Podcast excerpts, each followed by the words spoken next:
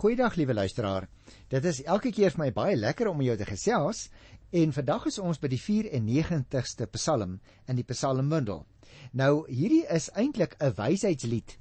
Maar iemand vra nou die dag vir my uh toe ons daar op pad is na die kerk toe, watter plek het lofprysing in die psalms? En nou miskien moet ek tog net ietsie daaroor sê liewe luisteraars, want julle sien die meeste van die psalms is eintlik gebede. En die meeste van hierdie gebede sluit gewoonlik ook lof aan God in. Lofprysing is dus eintlik niks anders nie as 'n uiting van bewondering, van waardering, van dank teenoor die Here. Nou in die uh, Psalmboek word die lof dikwels teenoor God uitgespreek, maar ons sien ook dat dit met ander gelowiges gedeel word. Met ander woorde, lof is nie net iets wat in die teenwoordigheid van die Here geuiter moet word nie. Maar ons moet ook in ons omgang met ander mense die lof wat daar in ons harte is teenoor die Here. Ons moet iets daarvan met hulle deel. As ons byvoorbeeld dink aan alles wat die Here vir jou en vir my gedoen het en nog steeds vir ons doen elke oomblik, dan is dit eintlik die natuurlikste ding op aarde om die Here met ons hele hart te loof en te aanbid. Wanneer jy die boek lees byvoorbeeld die Psalmboek, dan moet jy daarop let dat die Here nie net geprys word vir wat hy doen, dus vir sy skepping, vir sy seën en vir sy vergifnis nie, maar hy word ook geprys vir wat hy is. Liefdevol, regverdig, getrou, vol vergifnis, geduldig. Met ander woorde, liewe luisteraar, dan sal jy sien dat die lofprysing ook teenoor die Here, maar ja, ook teenoor ander gelowiges uitgespreek word en dat hulle daardeur aangemoedig word om ook die Here te loof. Op watter maniere jy dus die Here loof, dit is nie so belangrik nie, maar die vraag is het jy hom onlangs geloof? Is jy besig om 'n lewe van lofprysing te lei? Want jy sien liewe luisteraar, lofprysing is eintlik 'n lewenswyse. Omdat ek elke oomblik dankbaar is vir wat die Here vir my en aan my gedoen het. Nou temas waar in hierdie hele gedagte van lofprysing baie duidelik na vore kom en eintlik die hoof tema is is psalms soos byvoorbeeld 8 en 19 30 65 96 100 136 en daar's nog 'n hele paar ander ook maar dit is dus psalms wat wanneer jy dit lees jy agterkom dat lofprysing 'n lewenstyl word van dankie sê aan die Here en dit vloei ook oor na ander mense toe. Nou goed, dit bring my terug by Psalm 94 waarby ek vandag graag wil begin as een van die uh, gedeeltes wat ek wil behandel. Maar nou baie interessant, jy moet nou oplet juis in Psalm 94 wat soos ek jou gesê het gewoonlik deurgaan as 'n wysheidspsalm kry ons hierdie woorde wat ek nou net gebruik het toe ek oor lofprysing gepraat het, kry ons ook daardie woorde byvoorbeeld, ek gaan dit net eers vir jou noem voordat ek die Psalm behandel. In die eerste vers byvoorbeeld die woorde jubel, juig. Vers 2 byvoorbeeld gaan met lof. Laat ons hom met toejuig met lofsange. So jy sien, hoewel dit dus 'n wysheidspsalm is, kom hierin ook alreeds weer iets van lofprysing na vore. Dit is dus nie so maklik om te sê lofprysing kom net voor wanneer 'n mens die Here dank of hom aanbid nie. Lofprysing is ook iets wat blyk wanneer jy oor wysheid praat. Wanneer jy oor God praat wat die alwyse is.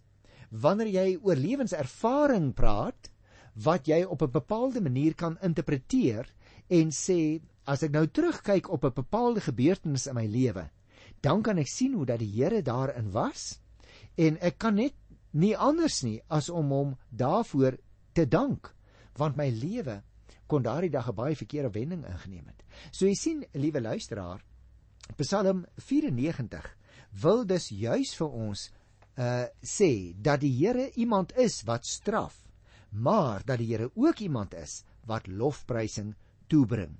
Daarom hierdie wysheidspsalm in 94 lê in 'n sekere sin die swaarste klem op die vergeldingsidee. Die Here vergeld as regter die goddeloses vir die onreg om die regverdiges onskuldig om die lewe te bring. Kom ons kyk na die eerste 7 verse. Here, God wat onreg straf, U wat onreg straf, verskyn tog. Kom regter van die aarde, reken af met die mense wat hulle teen U verhef. Hoe lank, Here? Hoe lank sal die goddeloses hulle nog verlustig in die leed van ander mense? Hulle kook oor van vermetelheid. Almal wat onreg doen, spog daarmee. Hulle vertrap u volk, Here, hulle verdruk u volk wat aan u behoort. Hulle vermoor weduwees en vreemdelinge, hulle maak weeskinders dood en dink die Here sien dit nie. Die God van Jakob merk dit nie. 'n Mens merk dit dadelik op, liewe luisteraar, na die pragtige Psalm oor God in Psalm 93, die ewige koning, volg hier nou 'n wysheidspsalm. Sommige mense sê selfs Psalm 94 is 'n klaaglied. Nou in die fyn onderskeid uh, wat daar soms lê tussen die soorte, wil ek nou nie op ingaan nie, want dit is so ek het reg by die begin toe ek psalms begin behandel het, al vir jou erns gesê dat uh, 'n uh, mens 'n bepaalde psalm soms in meer as een kategorie kan indeel. Want die kategorieë wat die teologe gemaak het, is maar 'n poging om so 'n bietjie stelsel te gee aan die psalms. Maar dit beteken nie dat ons almal dit noodwendig presies gaan indeel nie. Maar aan al die maatstawwe wat nou gewoonlik aangelê word vir 'n bepaalde psalm, wil ek nou nie nou weer daarop ingaan nie. Ek het dit eintlik al vir julle uh, vertel wanneer ons 'n spesifieke psalm soort behandel het.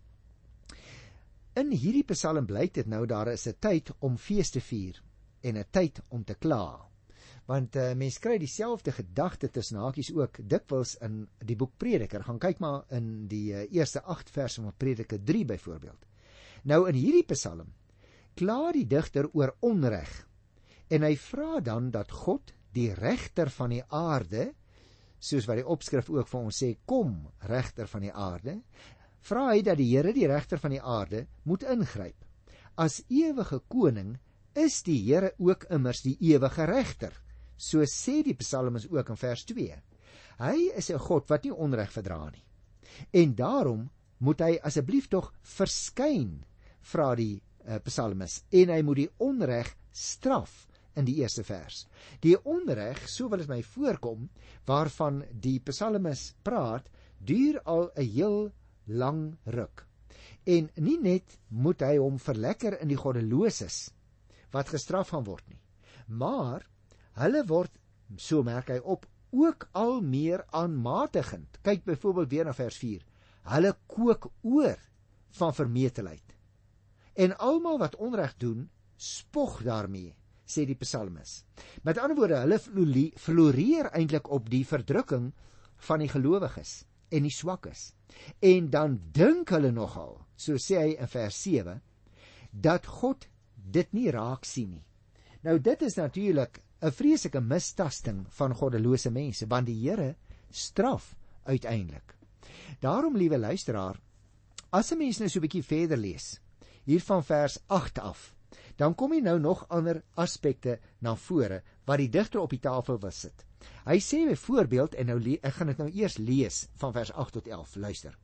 Gebruik tog julle verstand, julle wat so dom optree onder die volk. Julle dwaase Wanneer wil jy dit dan verstandig word? Sou hy wat vir ons ore gemaak het, self nie kan hoor nie?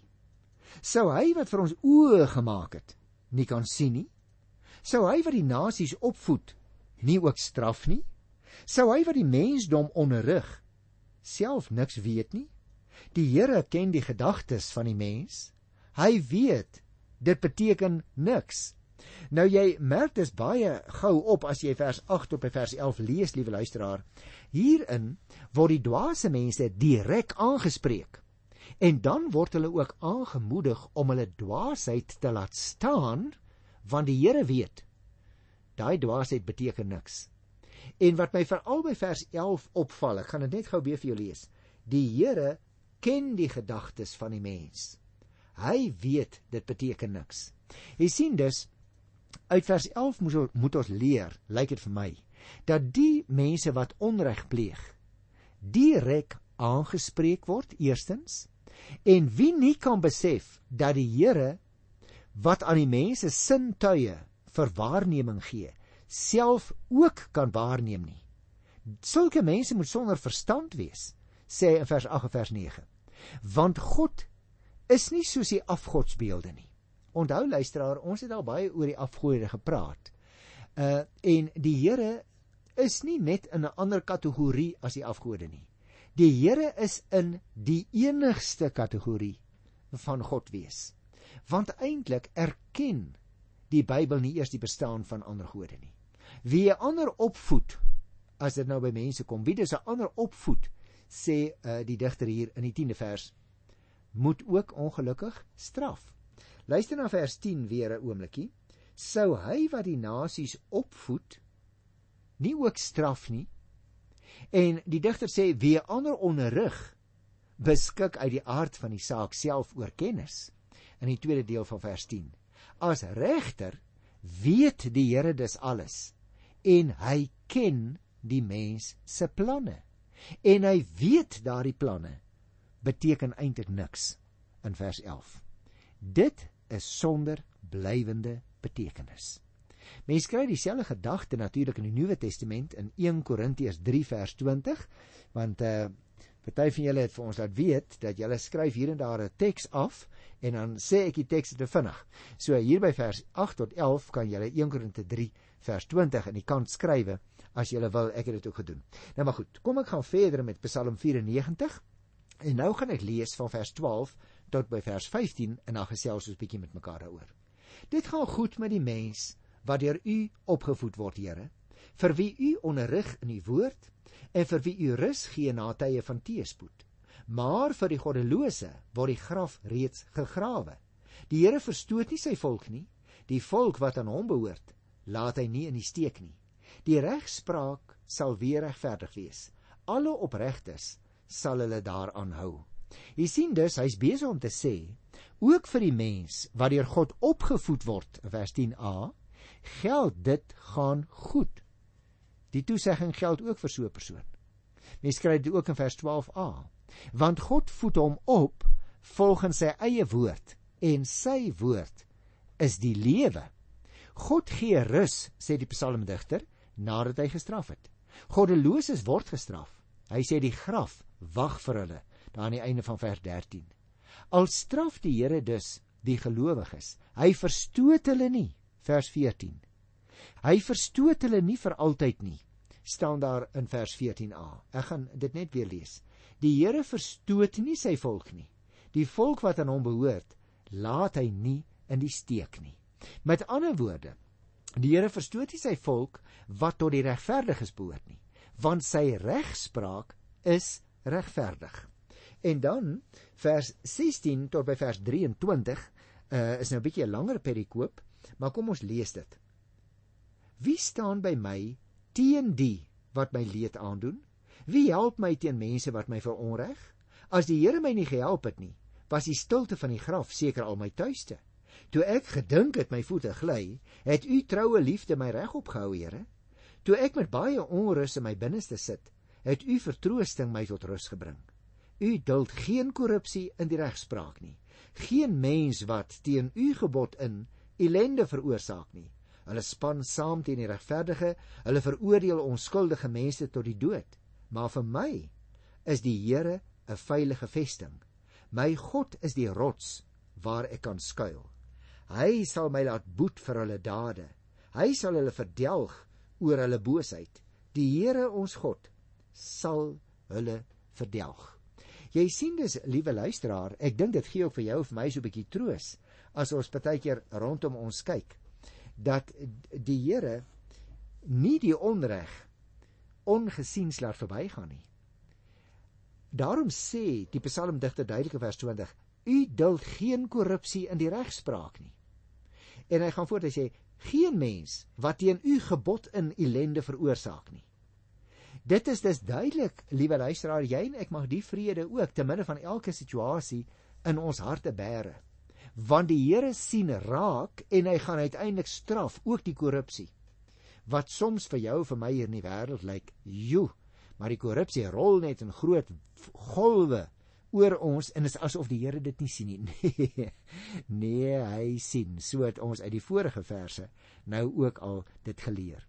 Met ander woorde, die ander mense het die bidder in sy stryd teen die onreg nie verbygegaan nie. En miskien is jy ook een van daardie mense, liewe luisteraar, wat vandag na ons program luister en wat vir jouself sê maar dit is waar. Ek het ook al so swaar gekry as gevolg van die onreg wat ook van tyd tot tyd in ons land as dit ware by hernuwing losbars.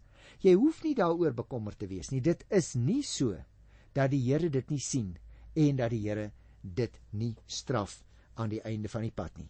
Psalm 94 leer dit vir ons baie duidelik in hierdie woorde wat geuiter word. Met ander woorde luisteraar, teenoor die rus wat die digter in tye van teëspoed ontvang, word die goddelose graf toegedra. Die Here verstoot nie sy volk wat tot die regverdiges behoort nie, want sy regspraak is regverdig. Daaroor hoef ons dus nie te twyfel as ons ook Psalm 94 ernstig neem nie. Nou luisteraar, dit bring my nou by Psalm 95. Nou ek gaan hom so bietjie in breër oorsig net behandel. Want ek wil eers met jou gesels daaroor en die klem eintlik spesifiek laat val in Psalm 95 op vers 6 en vers 7.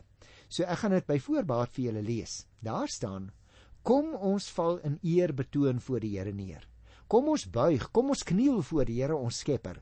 Hy is ons God en ons is sy volk, sy kudde, sy skape deur sy hand versorg. Mag ek so begin oor Psalm 95, liewe luisteraar. Daar kom tye in 'n gelowige se lewe ook maar dat jy selfs opstandig raak, ontevrede omdat die ou wêreld nie is soos jy dit graag wou hê nie. Ons het dit nou ook in Psalm 94 gesien, hè. Tye wanneer jy en ek onseker is oor die toekoms, bang is vir môre selfs. Maar dan kom daar gelukkig ook oomblikke wanneer jy jou afhanklikheid van die Here by hernuwing besef. Oomblikke waarin jy en ek die Here sien aan wie die see behoort en wat die droë land met sy eie hande geformeer het. Hy wat die groot koning is bo al die gode en hy aan wie die toppe van die berge behoort dit is dan in sulke ek wil amper vir jou sê heilige oomblikke dat jy net daar voor die Here wil kniel en sê kom kom laat ons hom aanbid en neerbuig laat ons kniel voor hom wat ons gemaak het soos daardie versies wat ek nou net gelees het vir ons gesê het en nou is dit natuurlik dit wat jy en ek ook van tyd tot tyd graag wil doen om voor die Here neer te val in aanbidding voordat ons verder loop om 'n keertjie soos pelgrims eerbiedig onsself voor die Here te verootmoedig. Saam met 'n hele klomp gelowiges, soms in die erediens. O ja, maar soms sommer daar waar ons alleen is. Mag ek jou 'n vraag vra? Wanneer laas het jy voor die Here verskyn sonder om te kom vra? Verskyn om sommer net jou voor hom te verootmoedig in sy lof. Dit wat so wonderlik is as 'n mens na die Here kyk. Nou is dit natuurlik soms nodig dat ons moet kniel voor die Here voordat ons in staat is om regop te loop hoor. As 'n mens in die geboortekerk van die Here Jesus wat nou aangewys word as die plek, byvoorbeeld daar in Jerusalem wil ingaan, dan is daar iets wat my elke keer opval as ek daar kom. Die deur van die kerkie is baie laag. Dit is omtrent maar van die grond af so hoog soos die lyf van 'n man. Nou is daar twee redes word vertel waarom hierdie deur daar in die geboortekerk so laag is. Die eerste is omdat perde ruiters in die tyd van die Arabiese oorheersing met hulle perde binne in die geboortekerk ingery het. En daarom het die Christene toe besluit om die deur te verander in 'n baie lae opening. Maar daar is ook 'n tweede rede, liewe luisteraar. Deur die ingang laer te bou, word verseker dat elkeen wat by die geboortekerk ingaan, sy knie moet buig, of hy wil of nie, voor die Christuskind van Bethlehem. En so wil jy en ek dan ook vandag as ons hier na Psalm 95 kyk, 'n slaggie sommer net in verootmoeding voor die Here neerbuig om te erken en te bely wie hy is. Want hy is ons God en ons die volk van sy weide, die skape van sy hand. Liewe luisteraar, liewe broer en suster, kan jy regtig vandag al sê Ek is 'n skaap van God se hand. Met ander woorde, ek is iemand wat as 'n ware eet uit die hand van die Here. Hy is die Here en ek is sy skaap. Jy sien so 'n eenvoudige beeld vir ons haastige moderne mense. So asof die Here ons wil terugneem na die rustigheid van die veld toe om weer aan my by hernuwing sy hemelse vrede te wys en terug te gee voordat ek verder loop. dalk 'n nuwe dag in môre. Jy sien luisteraar om dood eenvoudig agter die goeie herder uit Bethlehem aan te loop, is om iets te begin ervaar van die vrede wat alle verstand te bowe gaan. Sonder Jesus Christus is hierdie vrede natuurlik nie moontlik nie. Omgekeerd. As jy gefrustreerd is, met almal en alles ontevrede is, as die vrede van God in jou lewe ontbreek, dan is dit 'n vraag of jy die Here Jesus Christus in jou lewe ingelaat het. Mag ek jou weer vra? Ken jy sy vrede? Of moet ek dit op 'n ander manier vra? Ken jy al vir Jesus Christus as die herder van jou lewe? Liewe luisteraar, jy sit miskien op hierdie dag in hierdie oomblik in 'n motor en luister na ons program. Jy luister na 'n CD. Maar het jy al ooit in verootmoediging gedoen wat Psalm 95 vers 6 en 7 sê? Kom ons val in eer betoon voor die Here neer. Kom ons buig, kom ons kniel voor die Here ons Skepper. Jy sien, luisteraar, selfs as ons dit net 'n keertjie in opregtheid wil doen, dan sal dit die hele styl van ons lewe verander. Ek sal dalk my houding ten opsigte van bidure en eredienste in heroorweging moet neem as die Here dit vandag op my hart lê om in verootmoediging en ootmoed voor hom te buig. Nou is dit natuurlik wonderlik dat God nie net vir my as 'n individu sy skaap wil maak nie, nee. Nee vers 7 van Psalm 95 praat ook van 'n versameling skape. Hy sê hy is ons God en ons is sy volk, sy kudde, sy skape deur sy hand versorg. Het jy opgemerk die ons, die versamel? Nou wat beteken dit? Dit beteken gelowiges vorm 'n nuwe eenheid, die eenheid van die geestelike volk van die Here. En by tye moet daardie geestelike eenheid natuurlik ook sigbaar uitdrukking vind in die wêreld. God se volk, die Christene, moet uit sy hand eet en aan sy tafel by die nagmaal. Ons moet saamkom in die kraal van sy huis en getel word of almal nog daar is as dit ware. Ons moet 'n eenheidsmag vorm teen die verskeuring van die wolwe in die wêreld. Ja, luisteraar, Ons mag nie deel hê aan die ondergrawing van die koninkryk van God en die voortgang van sy werk in hierdie wêreld nie. Jy sien om te sê ek is 'n skaap van die Here se kudde hou geweldige konsekwensies in. Liewe broer en suster, om volk van God te wees bedoel vir jou vir my as Nuwe Testamentiese gelowiges nie dat ons deel van Israel van die Ou Testament is nie hoor nee Israel was die Ou Testamentiese volk van God. Maar die Nuwe Testament beteken volk van God, hulle wat in sy seun glo. Mag ek so voorbarig wees om vandag vir jou hierdie persoonlike vraag geslag te vra? Liewe luisteraar, glo jy in die seun van God as die saligmaker van jou lewe? Want jy sien as dit so is, dan is jy deel van God se nuwe volk waarvan die Nuwe Testament praat. En dan dra jy saam aan die verantwoordelikheid van die koninkryk van die Here elke dag van jou bestaan? Of dra jy regtig saam al is jy 'n Christen? Het jy nie al so besig geword, liewe luisteraar, dat jy nie ook aan die kerkwerk direkte koninkryk wil meedoen nie? Kan ons regtig nog almal eerlik voor die Here sê vandag ek is een van die skape van sy kudde? Nou weet ek nie wat jou voornemens is vir vandag en vir môre vir oormôre nie. Miskien is daar iets wat jy en ek duidelik stel as ons voorneme en dalk kan ons dit ons enigste voorneme maak. Die voorneme om self niks te wil wees nie, maar neer te val in aanbidding voor God. Die voorneme om opnuut weer 'n skaap van God se hand te word, werklik deel van die nuwe Israel wat op grond van die soenverdienste van Jesus Christus tot stand gekom het in die wêreld. Kyk na die goeie herder van die Nuwe Testament in Lukas 10 luisteraar. Dan sal jy presies weet wat die Bybel bedoel. En daarom wil ek afsluit met die woorde waarmee ek begin het van Psalm 95 vir vandag, vers 6 en 7. Kom ons val in eerbied voor hom neer. Kom ons buig. Kom ons kniel voor die Here ons Skepper. Hy is ons God en ons is sy volk, sy kudde sy skape deur sy hand versorg. En op hierdie punt van toewyding groet ek jou dan tot volgende keer in die wonderlike wonderlike naam van die goeie herder Jesus Christus die Here. Tot dan Totsiens.